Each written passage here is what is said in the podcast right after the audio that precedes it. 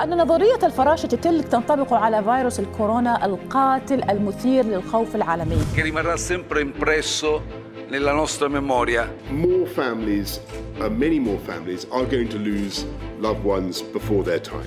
Nehmen Sie es auch ernst. Seit der deutschen Einheit. To unleash the full power of the federal government in this effort today, I am officially declaring a national emergency.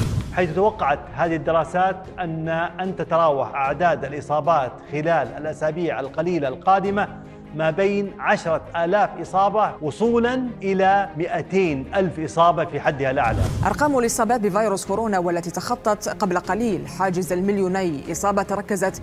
نريد أن نلتزم بالاحترازات نريد أن نلتزم بالتباعد الاجتماعي. فأرجو تعاونكم في هذا الشهر حتى نضمن سلامتكم ونضمن السيطرة. استمرار إيقاف صلاة الجماعة والجمعة في المساجد مع رفع الأذان في أوقاته المعلومة.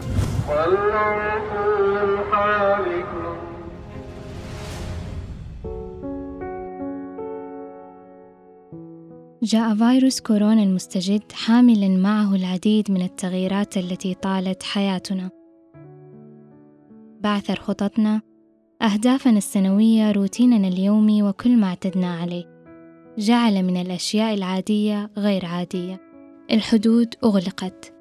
الرحلات ألغيت المنازل موصدة والشوارع أصبحت خالية الحياة توقفت والهدوء خيم على العالم.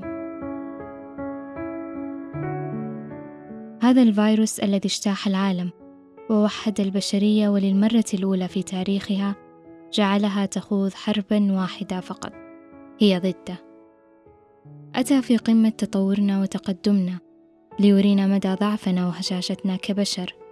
وأيضا بطريقة مدهشة أرانا مدى قدرتنا على التكيف والتعود.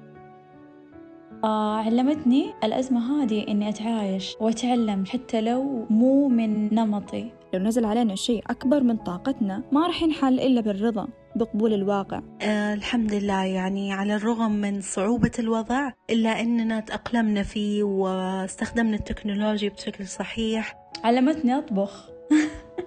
علمتني هذه الأزمة إني أطبخ وأجرب وأغلب الوقت يعني ما يزبط بس أحاول. هالفترة يعني علمتني أشياء كثير. أول حاجة يعني قربتني من أهلي. أنا كنت مقصر في حقهم صراحة.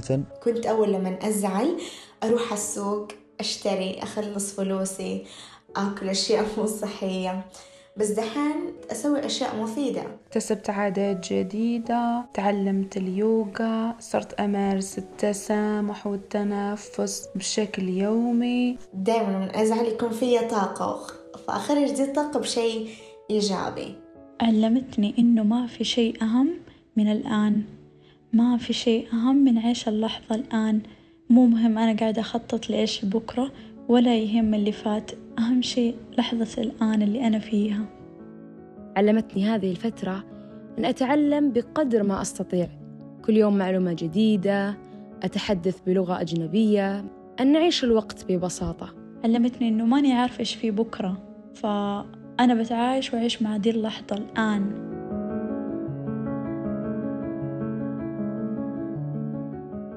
قرار الحجر كان بمثابة زر توقف للعديد منا.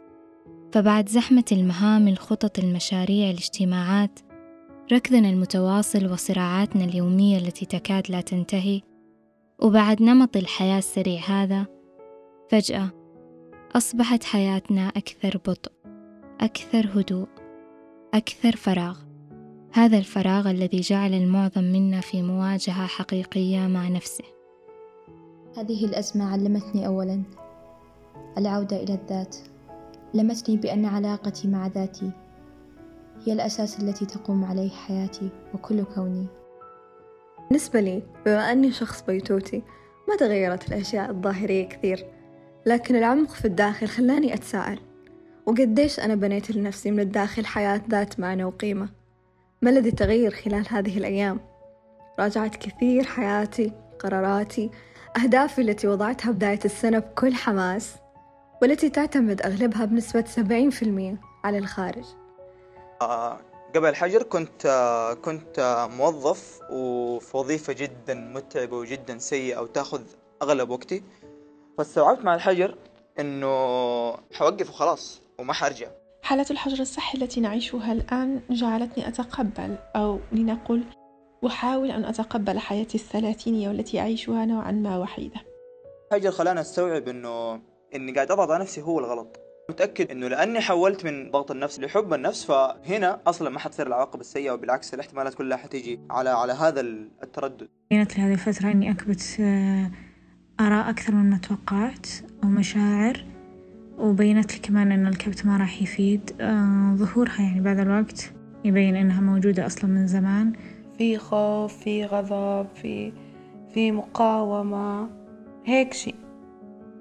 أحاول أن أبني علاقة سلمية مع نفسي وأحاول أن أجاري إيقاعها البطيء في كل شيء. طبعا مريت بتحرر مرة كثير وب...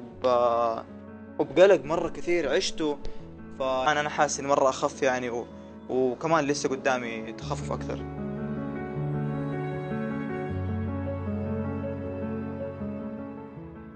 لا شك بأن هذه الفترة صعبة ولا شك أيضا بأنها جعلتنا نستشعر قيمة وكمية النعم التي كانت في تفاصيل حياتنا اليومية. فكل المسلمات التي كانت تملأ حياتنا العادية في وقت ما منعت عنا في لحظة. أفتقد لحياتي العادية للمقهى اللي أحب أقرأ فيه يوميا للطمأنينة والتأمل في وجوه الغرباء وللمصادفات الحلوة. أكثر شيء اشتقت له الفترة هو شكل الحياة الطبيعي. زحمة الشوارع وضجة الناس وشوفة الناس اللي أحبهم صديقاتي وأهلي اللي ما قدرت إني أشوفهم هالفترة وطبعا روتيني اليومي اللي أنا تعودت عليه في حياتي الطبيعية. يبقى أكثر شيء اشتقت إليه خلال هذه الفترة هو الجلوس في مقهى.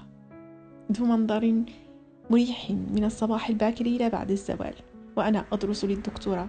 أكثر شيء اشتقت لهذه الفترة اجتماع بقية أفراد عائلتي ولقاء صديقاتي الخروج والاستمتاع بكوب من القهوة شراء الكتب من المكتبة أكثر شيء اشتقت له صراحة الخروج للعمل مقابلة صديقاتي وأهلي You appreciate going out and spending time outside and people in your life because when you're told to not be around them it's very difficult and so sometimes you just need to see some people مشتاقة لصحباتي مشتاقة إني أخذ قهوتي وأروح أسوي شغلي برا. مع صوت الأذان يعني هذا الشيء افتقدناه كثير وإن شاء الله يرجع في أقرب وقت. آه الحرم وإني أصلي ركعتين بعد ما أطوف وأقعد قدام الكعبة وأتأمل الكعبة. هذه أكتر حاجة مشتاقة لها الصراحة. The thing I miss the most is going to the haram and praying. The first thing I'll do when the pandemic is over is go and do umrah and then go to a restaurant. أعتقد إنه أهم الأشياء اللي راح أسويها إني أروح للبحر. اشتقت للهواء لصوت الأمواج والأصوات الناس والحركة هناك. أحب أن أرى الناس حولي تعيش حياتها وتحبها. أحب أشعة الشمس. لذلك أول شيء إن شاء الله سأفعله بعد هذه الفترة سيكون هو السفر عبر بلد المغرب. أول شيء أفعله بعد الحجر أني أطلع لمكان في الطبيعة وأشبع شمس. أتوقع أول شيء راح أسويه بعد الحجر إني راح أطلع وأشتري قهوة آه، وأقابل صديقاتي. لقاء أخواتي والاستمتاع بصحبتهم الاجتماع مع أقاربي جلسة مطولة مع صديقاتي. أو ربما التخطيط للذهاب لرحلة بداخل سيارة بلا وجهة محددة.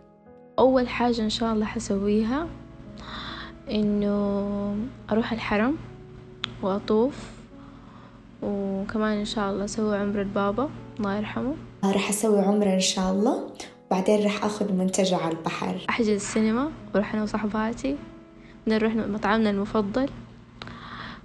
حسيت بسعادة وأنا قاعدة أقول الكلام هذا الصراحة.